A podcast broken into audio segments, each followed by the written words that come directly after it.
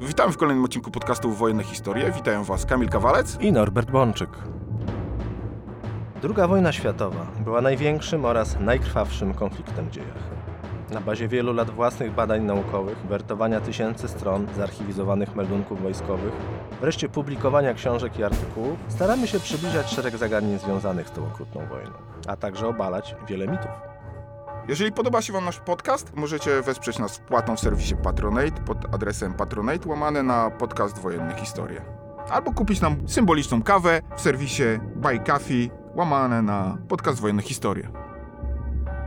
Norbert, w naszym odcinku o Polakach służących w Wehrmachcie wspomniałeś, że równie dużo naszych rodaków służyło w Armii Czerwonej i że nie do końca wiadomo, w której z tych armii służyło więcej Polaków, czy w Wehrmachcie, czy w Armii Czerwonej. Opowiedzmy dzisiaj właśnie o tych Polakach, którzy służyli w Armii Czerwonej. Jak oni się tam w ogóle znajdowali? Masz rację, Kamilu. W odcinku o służbie Polaków w armii niemieckiej, w Wehrmachcie, w II wojnie światowej ja wspomniałem, że można dyskutować, czy więcej naszych rodaków ubrało mundur niemiecki, czy może jednak mundur Armii Czerwonej. To jest spór, moim zdaniem, na tym etapie badań raczej nie do rozstrzygnięcia dlatego że mimo wszystkich niuansów, mimo tej dyskusji o mniejszościach, mimo wszystko łatwiej jest nam zdefiniować pojęcie polskości wśród ludzi, którzy ubierali mundur niemiecki, niż jednoznacznie zdefiniować to pojęcie polskości wśród tych ludzi, którzy ubrali mundur Armii Czerwonej. To znaczy, oficjalnie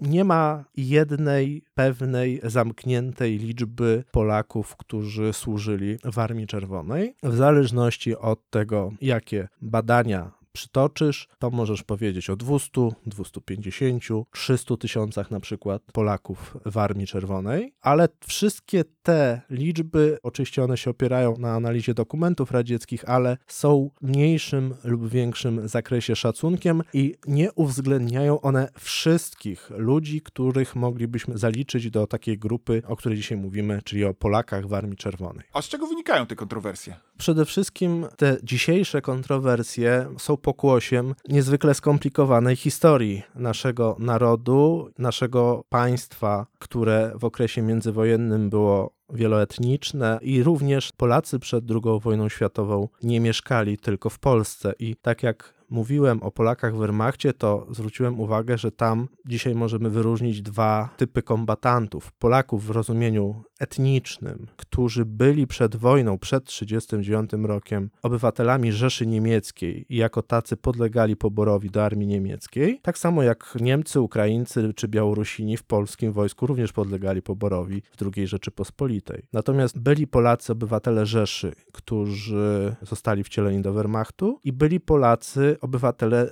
II Rzeczypospolitej, czyli państwa polskiego, którzy również w czasie II wojny światowej zostali wcieleni do Wehrmachtu. I bardzo podobną sytuację mamy z Polakami na wschodzie. Mieliśmy mniejszość polską w ZSRR, która zamieszkiwała tereny przed 1939 rokiem należące do ZSRR i ci ludzie, mniejszość polska zresztą w okresie stalinizmu brutalnie prześladowana, ale ci ludzie jako obywatele ZSRR podlegali poborowi do Armii Czerwonej. Mieliśmy również Polaków rozproszonych po całym terenie Związku Radzieckiego jako potomków jeszcze zesłańców, przede wszystkim XIX-wiecznych, potomków też dobrowolnych osadników, którzy przemieszczali się, zmieniali miejsce pobytu w carskiej Rosji. Czyli Polacy przede wszystkim mieszkali na terenach centralnej i wschodniej Ukrainy, to była ta mniejszość polska w ZSRR, ale pewne grupki, skupiska Polaków odnajdziemy w wielu miejscach olbrzymiej Rosji. I do tego jeszcze na terenie ZSRR była duża grupa osób, która uległa rusyfikacji, ale którą w ten czy w inny sposób w wymiarze etnicznym określilibyśmy jako Polacy. Ci ludzie byli po prostu etnicznymi Polakami, ale niekoniecznie za Polaków uważali się mentalnie czy narodowościowo. I wreszcie mamy tą grupę Polaków, którzy byli obywatelami II Rzeczypospolitej. W wyniku agresji radzieckiej z 17 września 1939 roku dostali się pod panowanie Związku Radzieckiego i również oni potem po włączeniu wschodnich ziem Rzeczypospolitej do tego państwa podlegali poborowi. Innymi słowy, mamy bardzo wiele różnych ścieżek, dróg, i miejsc, które prowadzą do Polaka w Armii Czerwonej. I to jest historia o wiele bardziej złożona, o wiele bardziej skomplikowana niż Polacy w Wehrmachcie, mimo że ta historia Polaków w armii niemieckiej też jest przecież skomplikowana, złożona, wieloraka. Nie jest łatwo jednoznacznie powiedzieć, ilu Polaków służyło w Armii Czerwonej w II wojnie światowej ale jeżeli już szukamy jakiegoś punktu odniesienia, który z całą świadomością, że on będzie obarczony ryzykiem błędu, to możemy powiedzieć o 250 tysiącach takich ludzi na pewno, a realnie sądzę, że było ich więcej. Musimy zdawać sobie sprawę z tego, że Armia Czerwona była w II wojnie światowej gigantycznym molochem, który był w czymś w rodzaju przerażającej maszynki do mięsa dla wszystkich narodów, nie tylko Związku Radzieckiego, ale praktycznie dla tych obszarów, które to czerwone mocarstwo podbiło i uważało w ten czy w inny sposób za swoje, bo Armia Czerwona to była armia, tak jak troszeczkę można powiedzieć z pewnym sarkazmem, jak głosił kiedyś Lenin, ideę internacjonalizmu. Z początku rolę kluczową odgrywała w Armii Czerwonej na przykład kadra łotewska, niekoniecznie rosyjska. Mówię o, o czasach rewolucji. Żeby sobie uświadomić ten konglomerat tych narodów i taką niejednoznaczność, to przypominam, że szefem tego całego systemu to był Gruzin Stalin, a Armią Czerwoną to zasadniczo kierowali oficerowie z różnych państw wchodzących w skład Związku Radzieckiego. No tylko wymienię dwóch absolutnie kluczowych dowódców Armii Czerwonej, czyli Timoszenkę i Woroszyłowa. Obaj byli Ukraińcami. Więc mamy tutaj Gruzina Stalina, marszałka Rokosowskiego Polaka, mamy Timoszenkę czy Woroszyłowa, którzy są Ukraińcami. W kierownictwie mamy też przedstawiciele innych nacji, jak na przykład Żydów, ale chociażby ci Gruzini. No, dwóch Gruzinów to nawet armiami w Armii Czerwonej dowodziło. Związek Radziecki narodowi gruzińskiemu wyrządził straszliwe krzywdy w okresie międzywojennym ale ci ludzie temu aparatowi, temu systemowi wiernie służyli dalej. Często zdarzało się tak, że można było szturmować jakiś kołchoz kompanią, gdzie właśnie byli Polacy, Ukraińcy, Kazachowie. Nie było tutaj tak, że o, Rosjanie wchodzą, mimo że 65% Armii Czerwonej to byli Rosjanie, ale pozostałe 35% nie. W II wojnie światowej przez Armię Czerwoną przewinęło się znacznie ponad 30 milionów ludzi, wręcz niemal 35 milionów ludzi czyli więcej niż przez Wehrmacht i armię amerykańską razem wzięte. Armia Czerwona miała niewyobrażalne straty, bo oficjalnie w samych tylko zabitych w walce było 7 milionów, a jeżeli uwzględnimy również to, że część jeńców nie przeżyła, bo Niemcy nie przestrzegali tutaj jakichkolwiek konwencji co do ich utrzymania, część ludzi zmarła z chorób, liczba ofiar zabitych, zmarłych z ran, zaginionych bez wieści żołnierzy Armii Czerwonej tak naprawdę przekracza 10 milionów. To jest liczba niewyobrażalna. Armia Czerwona kończyła II wojnę światową mając około 11 milionów żołnierzy. Liczyła tyle, ile właściwie straciła w II wojnie światowej, więc to był taki gigantyczny moloch, który pochłaniał setki tysięcy i miliony ludzi w tym sensie, że pobór do tej armii miał gigantyczne, gargantuiczne rozmiary i historycy radzieccy, a potem rosyjscy próbowali tworzyć jakąś statystykę narodowościową. Jakie narody do tej armii szły? Oczywiście to była armia przede wszystkim rosyjska, ale nie tylko rosyjska. To znaczy, to była armia Związku Radzieckiego ze wszystkimi tego konsekwencjami. Czyli jeżeli Związek Radziecki, tak jak wcześniej carska Rosja, był takim można powiedzieć, tyglem narodów, to taka była też Armia Czerwona, tak? Bo Armia Czerwona, powiedzmy 60-65% żołnierzy w niej służących to byli żołnierze etnicznie, albo inaczej, nawet nie etnicznie. I to jest właśnie najgorsze w rosyjskich statystykach, kiedy mówimy o Polakach w Armii Czerwonej. Bo Rosjanie robili statystykę nie opartą o strukturę często etniczną, tylko terytorialną. I było czasami trudno jednoznacznie wskazać, czy człowiek, który poszedł do wojska z danej guberni, to on był Rosjaninem, a może nie był tym Rosjaninem, a może to był wnuk albo syn polskich zesłańców na ten przykład, ale on będzie już figurował w statystyce jako Rosjanin. Jeżeli on sam sobie nie wpisał w statystykę, że jest Polakiem, to często był traktowany jako Rosjanin, ale bywało też i odwrotnie, o czym za chwilę. Wszystko zależy od tego, skąd jesteś, terytorialnie, tak? Czy jesteś ze środkowej Rosji, to wtedy traktujemy cię powiedzmy jak swojaka, czy niekoniecznie i na przykład jesteś z tych zachodnich granic Związku Radzieckiego. Ale wracając jeszcze do samej Armii Czerwonej. Tak jak powiedziałem, dominowali w niej Rosjanie, ale na przykład Ukraińców w Armii Czerwonej było ponad 6 milionów w czasie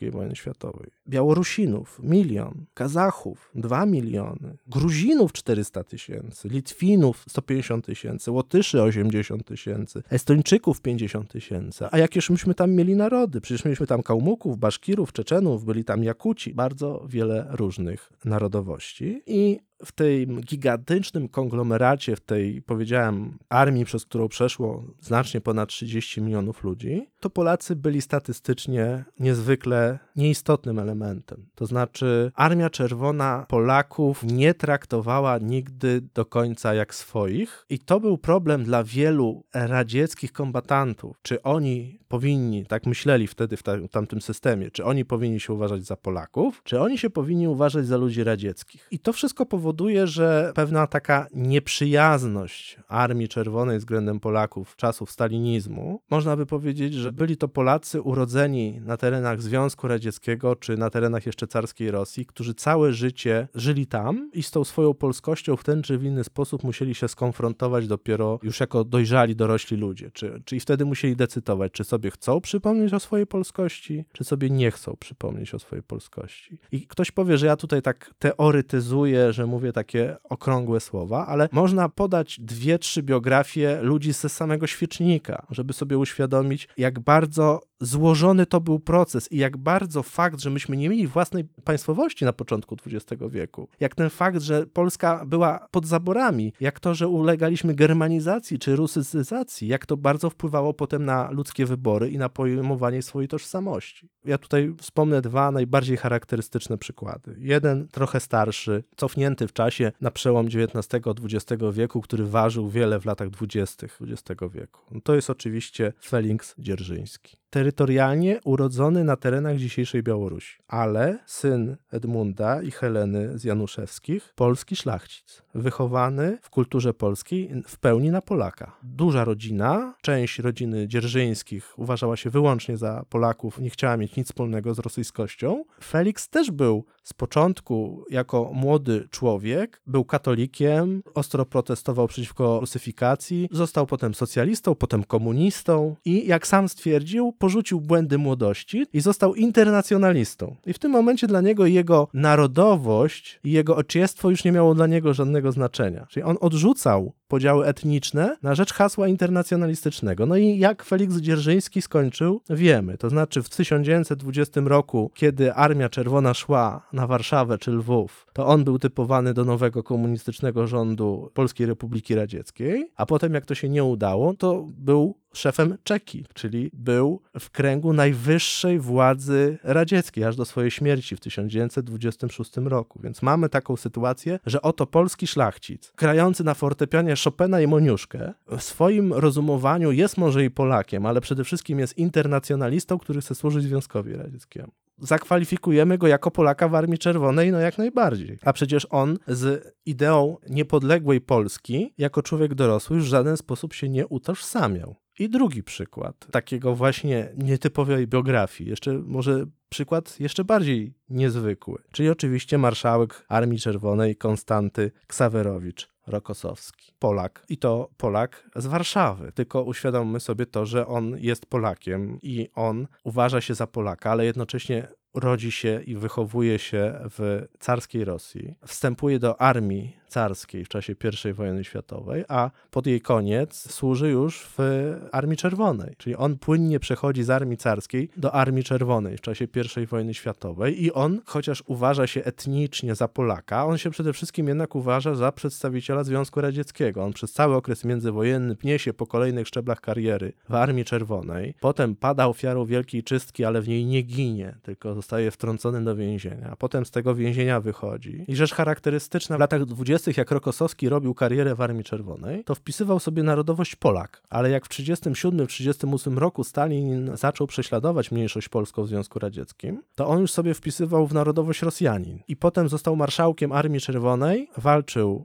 pod Moskwą, pod Stalingradem, pod Kurskiem, doszedł w 1944 roku do Warszawy, a w 1945 roku prawie prawie do Berlina, bo jego drugi front białoruski walczył na północ od niemieckiej stolicy. I on, mimo że posługiwał się językiem polskim i był etnicznym Polakiem, uważał się za przedstawiciela Związku Radzieckiego. I z rozkazu Stalina został potem marszałkiem w Polsce, ale jak zmienił się system i w 1956 roku stalinizm w Polsce ostatecznie upadł, no to wziął i wrócił do Związku Radzieckiego i tam umarł jako marszałek Związku Radzieckiego. On bardziej się czuł właśnie, trudno powiedzieć, może nawet nie Rosjaninem jako takim, tylko on się czuł po prostu przedstawicielem Związku Radzieckiego, a nie Polakiem, mimo że jako żywo był etnicznym Polakiem, ale obie te biografie są niezwykle niejednoznaczne, kiedy my próbujemy określić, czy to byli Polacy w Armii Czerwonej, czy Rokosowski był Polakiem w Armii Czerwonej. Mówimy o człowieku, który nigdy nie był obywatelem, przynajmniej do czasów po II wojnie światowej, który nigdy nie był obywatelem polskim i do 45 roku polskiego munduru nie nosił. I takich ludzi jak Rokosowski, tylko kilka szczebli niżej, w Armii Czerwonej będziemy mieli w II wojnie światowej co najmniej kilkadziesiąt tysięcy i to czasami będą bardzo dziwne biografie, bo na przykład kiedy komuniści będą pod egidą Stalina tworzyć Wojsko Polskie na Wschodzie od roku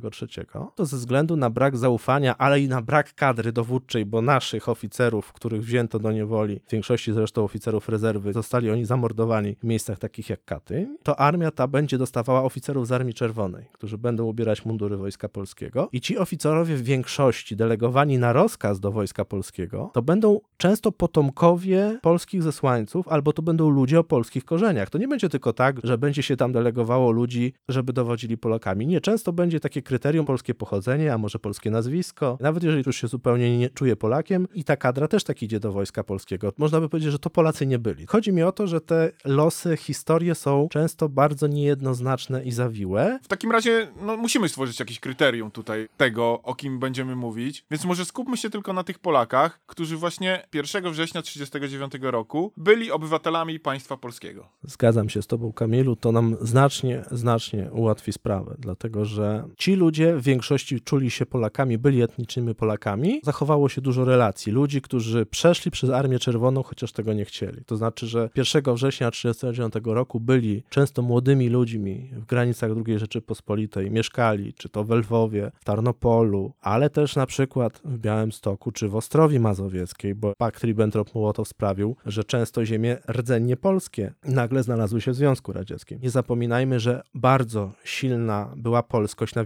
Wileńszczyźnie. Ta Wileńszczyzna też przechodziła różnego rodzaju fluktuacje graniczne w II wojnie światowej, bo najpierw wkroczyli tam Rosjanie, potem zaraz przekazali tę część tych terenów Litwie, potem wchłonęli samą Litwę. Żeby jeszcze bardziej zagmatwać sprawę, to jak już wchłonęli tą Litwę, to z armii litewskiej stworzyli 29 Korpus Strzelecki litewski w Armii Czerwonej. Dużo się jakby tutaj działo, ale tak, rzeczywiście najłatwiej jest opisać historię mniej więcej 200 tysięcy Polaków, obywateli II Rzeczypospolitej, którzy zostali wcieleni do Armii Czerwonej, czy to w roku 40, czy w 41, a potem w roku 44 i w 45. Bo jakby te branki, jak to się kiedyś mówiło, czyli pobór, był w tym okresie i w tym okresie, no przy czym do Armii Czerwonej to rzeczywiście jak kiedyś do Armii Carskiej to była branka, no bo jeżeli niemal co trzeci powołany nie wrócił, tylko zginął, umarł z różnych przyczyn, to to pokazuje, że to było wojsko, gdzie prawdopodobieństwo przeżycia było najmniejsze spośród wszystkich armii mocarstw II wojny światowej. Jeśli chodzi o obywateli II Rzeczypospolitej, to jak wiemy, państwo polskie w wyniku działań w roku 1939 zostało podzielone pomiędzy dwóch głównych agresorów. Ja oczywiście pomijam takie drobne smaczki historyczne, że tam Słowacy również byli napastnikiem i zabrali nam kilka wsi, albo że potem, tak jak już wspomniałem, Wilno trafiło na rzecz e, Litwy, więc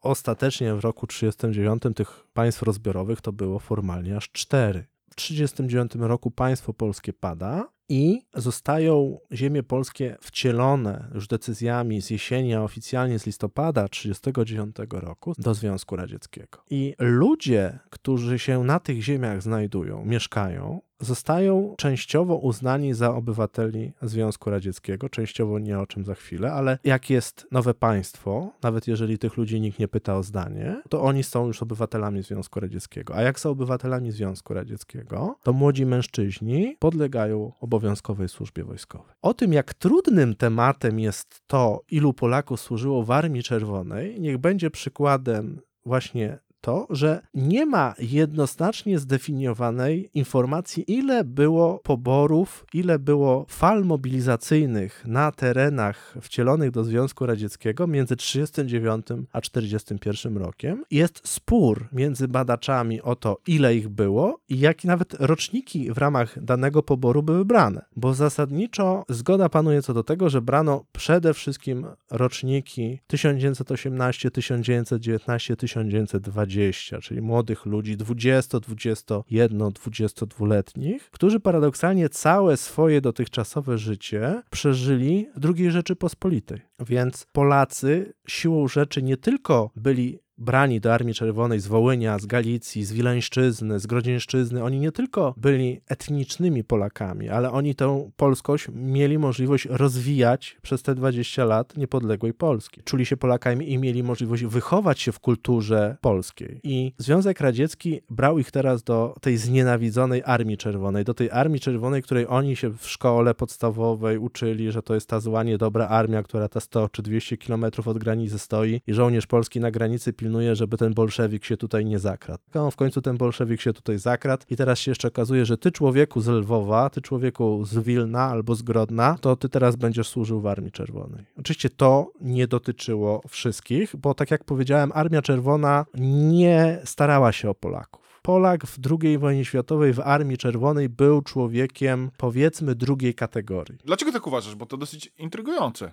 Wiesz co, dlatego, że tak jak w Wehrmachcie, na wielu Polaków w Wehrmachcie patrzono podejrzliwie, bo oni byli codziennie Wasser Polaken, to w Armii Czerwonej miałeś coś takiego, że mogłeś albo trafić do armii, a równie dobrze mogłeś zostać aresztowany i wywieziony, bo byłeś na przykład SOE albo SWE. Dosyć enigmatyczne skróty. Co one oznaczają? Jeden to jest socjalno opasny element, a drugi, ten SWE, to jest socjalno-wriedny element. To nie muszę tłumaczyć, co to znaczy słowo wriedny w tym wypadku. Znaczy Polacy byli politycznie podejrzani, bo byli Polakami, ale jak jeszcze byłeś Polakiem z Omska, albo byłeś takim Polakiem jak Rokosowski, co w 1918 roku z tej Polski wyjechał i był całe życie w Związku Radzieckim, to jeszcze byłeś naszym Polakiem. Ale jak ty byłeś tak zwanym zapadnikiem z tego Grodna, z Wilna i ty się wychowałeś w wolnej Polsce, a jeszcze nie daj Boże, ty byłeś e, synem kułaka, leśniczego, albo na przykład należałeś do strzelców jakiejś organizacji harcerskiej, to to już był czysty przypadek, że ty trafiłeś do Armii Czerwonej, a nie do Gułagu, bo między 39 a 41 rokiem było kilka fal wysiedleń ludności z nowo przyłączonych ziem Białorusi, Ukrainy do ZSRR. Te wysiedlenia dotyczyły absolutnie wszystkich narodów, które tam mieszkały. To się tak mówi, że wysiedlano nas, bo wysiedlano nas, ale wysiedlano też Białorusinów, Ukraińców i Żydów. Chyba najbardziej niesamowitą historią jest to, że ci Żydzi, polscy obywatele II Rzeczypospolitej, którzy tak w 1939 roku uciekali przed Hitlerem na wschód, do Stalina, że Stalin lepszy, bo Hitler wiadomo, że Żydów morduje. To potem ten Stalin załadował ich do bydlęcych wagonów i z tej Ukrainy i Białorusi też ich na Syberię wywoził, czy do Kazachstanu. Te przesiedlenia lat 39-41 nie dotyczyły tylko obywateli polskich. Nas, jako Polaków tam na wschodzie, aresztowano i wywożono do więzień, to była jedna grupa, i to było kilkadziesiąt tysięcy ludzi. Największa, kilkaset tysięcy to były wywózki do Kazachstanu czy na Syberię, tak zwane te przesiedlenia, ale niezależnie od tego jeszcze była branka, czyli trzeci element poboru człowieka z terenu, tym razem do Armii Czerwonej. I bardzo ciężko jest powiedzieć, ilu Polaków między 39 a właściwie między 40 a 41 rokiem wzięto w ramach tej branki. Niektórzy mówią, że to było 100 tysięcy. Są tacy autorzy, którzy mówią, że 150 czy 200. Polaków mogło być między 40 a 80 tysięcy. To w zależności jeszcze jak to policzymy, ale jak tak się dokładnie człowiek wczyta w dokumenty, a w tym wypadku jest kilka naprawdę niezłych opracowań na temat struktury etnicznej ludzi wywożonych, ludzi aresztowanych, ludzi branych do Armii Czerwonej, no to się okaże, że w tej brance z tych terenów Białorusi, Ukrainy, Polaków brano jakieś 35% tej branki. Reszta obejmowała Ukraińców, Białorusinów, a co ciekawe również Żydów, czyli brano wszystkie grupy etniczne, które się tam znajdowały. I oni wszyscy szli do Armii Czerwonej. Oni wszyscy byli przedwojennymi obywatelami II Rzeczypospolitej, ale tylko 40% z nich to byli Polacy. Reszta to byli byli polscy obywatele, ale etnicznie czy nawet tożsamościowo nie uważający się za Polaków sensu stricte, nawet jeżeli czasami język polski był ich pierwszym językiem. Na ogół spotkasz w literaturze, że to jest 100 tysięcy, ale to jest bardzo nieprecyzyjna liczba. Jak zawsze powtarzam, że jak historiografii natykamy się na takie okrągłe liczby w rodzaju 100 tysięcy, 200, pół miliona, milion, to wiedz, że coś jest z tymi liczbami nie w porządku. E, mówi się, że pierwszy pobór był wiosną 1940 roku. Inni historycy, ja należę też do takich historyków szczegularzy, którzy lubią wiercić dziurę w całym i szukać do końca, jak to było. Okazuje się, że często wiosną nie było 40 roku poboru masowego, tylko to był spis, spis poborowych, czyli szło się na komisję wojskową, ale się wracało jeszcze do domu. Dwa zasadnicze pobory to jest jesień 40 roku i wiosna 41. I wtedy rzeczywiście z tych ziem wschodnich co najmniej kilkadziesiąt tysięcy etnicznych Polaków zostaje wcilonych do Armii Czerwonej niezależnie od tego, że część ludzi jest przesiedlana w ramach tych wywózek, o których wspomniałem, kilkadziesiąt tysięcy ludzi trafia do gułagów, to są zupełnie jakby inne kategorie. Natomiast niezależnie od tego, 40-80 tysięcy Polaków trafia do Armii Czerwonej w wyniku poboru 40 i 41 roku. I to są ludzie, którzy są wstrząśnięci tym, co ich spotyka, bo służą w armii, która ich napadła. Często trafiają na jakieś odległe garnizony i ciąży nad nimi odium tego, że są żołnierzami drugiej kategorii. Mimo, że służą normalnie w jednostkach, to są i tak politycznie podejrzani. Okazuje się, że są tak zwani nasi Polacy i zapadniki. I Zapadniki od rosyjskiego słowa zapad, czyli? za, za, tak, dokładnie. Tak jak wspomniałem, zapadniki, czyli ci z zachodnich terenów, zachodniej Białorusi, zachodniej Ukrainy. I widać, że powiedzmy tych kilkadziesiąt tysięcy Polaków w Armii Czerwonej spotyka się może nie z prześladowaniami sensu stricte, ale nie jest to służba, jaką mogliby sobie w żaden sposób wymarzyć. Z drugiej strony są ci, tak jak powiedziałem, ci rosyjscy Polacy. Ich pozycja jest zupełnie inna. To są po prostu ludzie zrusyfikowani w ten czy w inny sposób. I o tym, co to znaczy być żołnierzem drugiej kategorii, to Polacy przekonują się, kiedy Hitler napada na Związek Radziecki w 1941 roku. Bo nie można ufać zapadnikom. A skoro nie można im ufać, to skierujemy ich do takich jednostek, gdzie będziemy mogli ich wykorzystać, ale że nie zrobią nam krzywdy. Dlatego, że latem 1941 roku Związek Radziecki chwieje się w posadach. To jest państwo wielonarodowe, gdzie w armii służą dosłownie miliony ludzi z różnych narodów. Przypadek wspomnianego przeze mnie 29 Korpusu Strzeleckiego Armii Czerwonej Litewskiego. Ten korpus w większości złożony z byłych litewskich żołnierzy przechodzi niemal w całości na stronę Niemców. I Armia Czerwona nie może sobie pozwolić na to, żeby takie przypadki miały miejsce, a z drugiej strony i tak Polacy są podejrzani. W związku z czym, jakie zapadają decyzje? Otóż Polacy trafiają do jednostek budowlanych. Tylko to się tak łatwo powie, jednostki budowlane. Bataliony robocze Armii Czerwonej, tak zwane OSB, czyli osobny strojtielny batalion, tak zwany strojbat. To czasami były też takie inne określenia, jak na przykład wojenno-strojtielny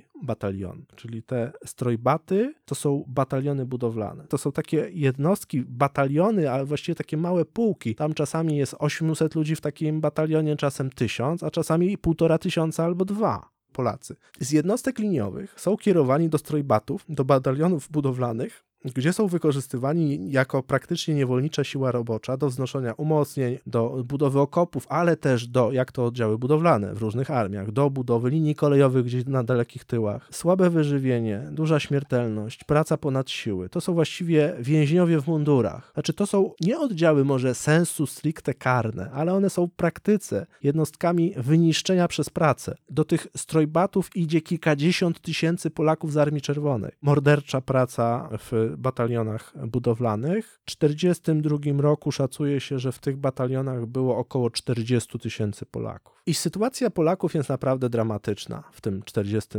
1941 roku. Potem mamy porozumienie Sikorski-Majski, nawiązanie ponownych relacji polsko-radzieckich. To pozwala zacząć wyciągać ludzi z łagrów, formuje się polskie wojsko na wschodzie. Ale no, Anders stara się częściowo wyciągnąć ludzi z batalionów budowlanych. Co się czasami udaje, czasami się to nie udaje. Związek Radziecki chętnie może oddać ludzi z łagrów, z więzień, z Tajgi, z Kazachstanu, z Syberii do armii Andersa, ale żołnierzy z Armii Czerwonej oddawać nie chce albo robi to bardzo niechętnie. Czyli część ludzi z batalionów budowlanych wyrwie się do armii Andersa, a część nie. Z samej Armii Czerwonej sensu stricte takiej liniowej do Andersa przejdzie 1100 osób, czyli praktycznie nikt. Czyli Anders będzie formował wojsko z więźniów, przesiedleńców, a nie z tych nieszczęśników, których wchłonęła, zasysała w 40 czy w 41 roku Armia Czerwona. Niektórzy będą mieli to szczęście, że do tego Andersa w ten czy w inny sposób ostatecznie jednak się przebiją, uciekną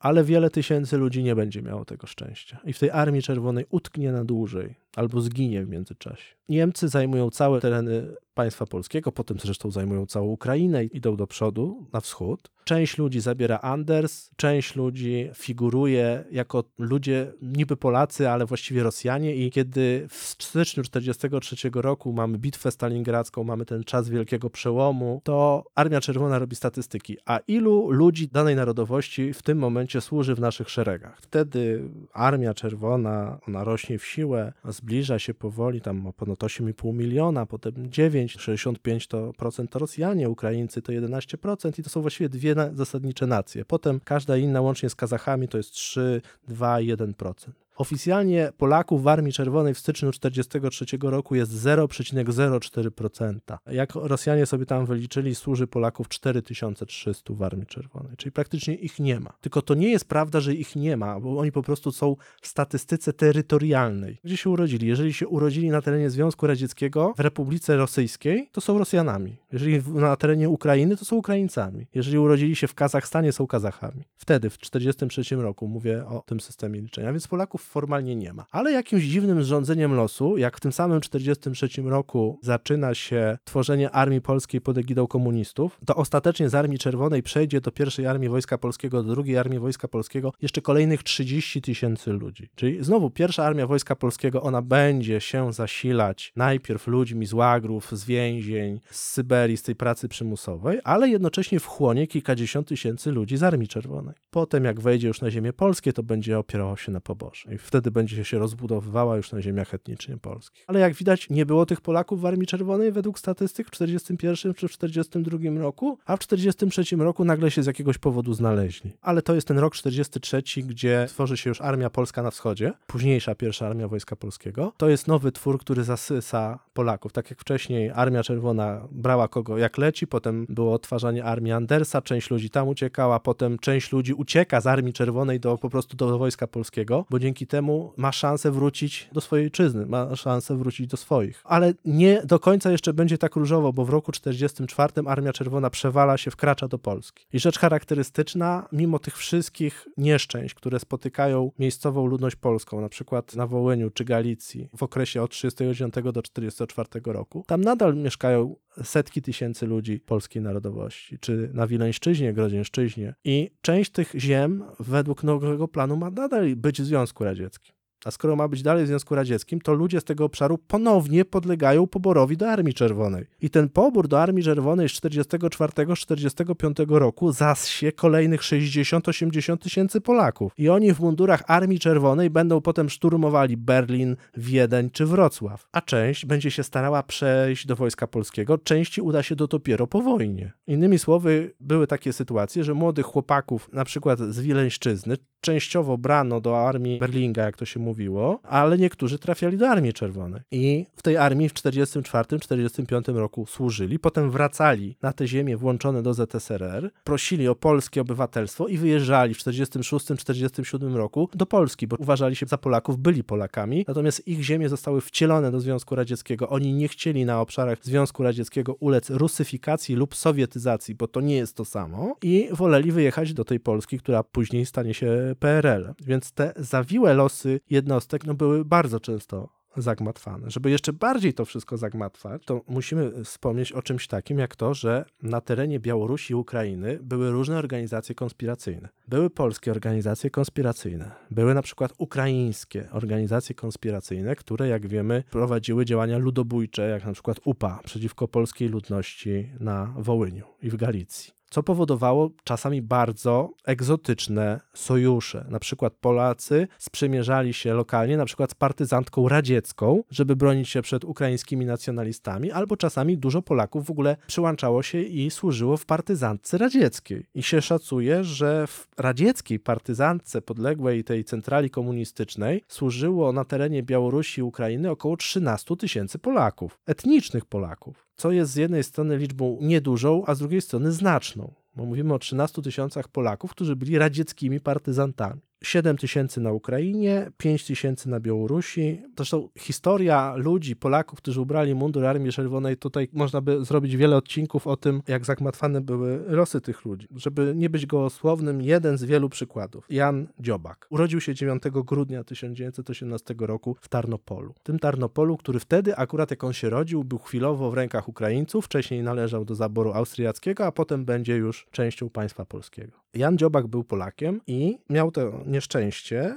że w 1940 roku na obszarze Galicji objął go pobór do Armii Czerwonej. I on tej Armii Czerwonej nie mógł się z niej wyrwać w 1941 czy w 1942 roku. Do Andersa nie udało mu się uciec. Być może nawet nie próbował, trudno powiedzieć. W 1943 roku przeszedł do Armii Polskiej na Wschodzie. Czyli wyrwał się z Armii Czerwonej po trzech latach służby, a w roku 1944, rzecz bardzo charakterystyczna, wstąpił z wojska, przeszedł do UB. Ktoś powie, że tutaj taka zła kariera. Tylko, że to była taka skomplikowana losy człowieka, że on przeszedł do UB, bo chciał mieć awans społeczny, ale żadnym ubekiem się nigdy nie czuł i w końcu za brak sukcesów, za brak zaangażowania z UB został wyrzucony po prostu ze służby. Jeden człowiek, a jakie zawiłe losy przeżył. I ci z 44-45 roku można powiedzieć, że no, oni musieli służyć najkrócej w tej Armii Czerwonej. Najgorzej miało te 60, 80, a formalnie te 100 tysięcy ludzi wziętych z poboru w 40-41 roku. Potem na tych ziemiach należących do ZSRR między 41 a 43 rokiem jeszcze oficjalnie się szacuje, że wzięto w służbę jakieś 20 tysięcy kolejnych Polaków. A potem w 44-45, jak front się przewalał, kolejne 80 tysięcy Polaków. No stąd taka niezbyt precyzyjna liczba, że mówi się o 200, czasami 250 tysiącach ludzi. Kilkanaście tysięcy Polaków, na przykład władza radziecka już w roku 40 przesiedliła, ale na przykład do Mołdawii. I ci ludzie potem byli brani do Armii Czerwonej w 44 roku na przykład. Jest bardzo ciężko nam mówić o konkretnych, pewnych, twardych liczbach co do człowieka, jeżeli mówimy o Polakach w Armii Czerwonej, ale jeżeli powiemy, że było ich około 200 tysięcy, to myślę, że będziemy blisko prawdy. Przy czym te 200 tysięcy to mówimy o Polakach Polakach, również nie tylko obywatelach II Rzeczypospolitej, ale również o Polakach etnicznych, którzy byli jednak obywatelami Związku Radzieckiego. To musimy wyraźnie zaznaczyć. A czy w tym najtrudniejszym e, okresie dla Związku Radzieckiego, kiedy on się chwiał w posadach na przełomie 41-42 roku, czy wtedy nie myślano, żeby z Polaków tworzyć jakieś samodzielne jednostki? Jak wybuchła wojna radziecko-niemiecka i Związek Radziecki zaczął się w posadach, to Polacy jako politycznie podejrzani absolutnie byli marginalizowani, byli wyrzucani z wojska do batalionów budowlanych. Natomiast idea takiej polskiej dywizji, to ona przez krótki czas istniała wcześniej, przed wojną radziecko-niemiecką, dlatego że w Armii Czerwonej istniały te dywizje narodowościowe, tylko że nie mogły być rozwijane dywizje narodowościowe złożone z Rosjan, Ukraińców i Białorusinów, tylko z tak zwanych wyraźnych mniejszości. A z Polakami nie za bardzo wiedziano, co zrobić, bo była świadomość, że Polacy są jednak narodowościowo obcy. Ale była taka koncepcja wiosną 1941 roku, kiedy formowano te różnego rodzaju narodowościowe oddziały estońskie, łotewskie, litewskie, i tak dalej, żeby stworzyć tak zwaną 238 Dywizję Strzelecką Polską, która miała teoretycznie właśnie grupować etnicznych Polaków z myślą może o jakimś takim zaczynie w przypadku konfliktu radziecko-niemieckiego. To miała być taka forpoczta nowo formowanej armii polskiej z, w przypadku wojny z Hitlerem. Ale ta koncepcja oczywiście nie zmaterializowała się z tego powodu, że front gwałtownie przemieszczał się na wschód, a nie na zachód. Czyli ta koncepcja w jakimś zakresie, ale już innym, powróciła razem z regularnym żołnierzem polskim, ale jednak już tworzonym w ramach osobnego konceptu państwowego, a nie jako Republiki Radzieckiej. No więc nie, tutaj właśnie w rok 41 i 42 dla Polaków był tak samo tragiczny w Armii Czerwonej jak rok 40. No dobrze, Norbert, dziękuję Ci za tym za nakreślenie tego jakże skomplikowanego i zagmatwanego losu Polaków, głównie z Kresów. Także dziękuję Ci ślicznie za dzisiejszy odcinek i do usłyszenia. Dziękuję bardzo. Dziękujemy za to, że byliście dzisiaj z nami. Czekamy na uwagi o tym odcinku zarówno na Facebooku, jak i na Instagramie, jak też i na YouTubie. Wszędzie tam możecie nas znaleźć, wpisując naszą nazwę, czyli Podcast Wojenne Historii. Dziękujemy Wam bardzo również za wsparcie, jakiego udzielacie nam w serwisie Patronate. To dla nas niesamowita sprawa i daje nam to niezwykłego kopa do dalszego działania. Bardzo za to dziękujemy i do usłyszenia do następnego odcinka.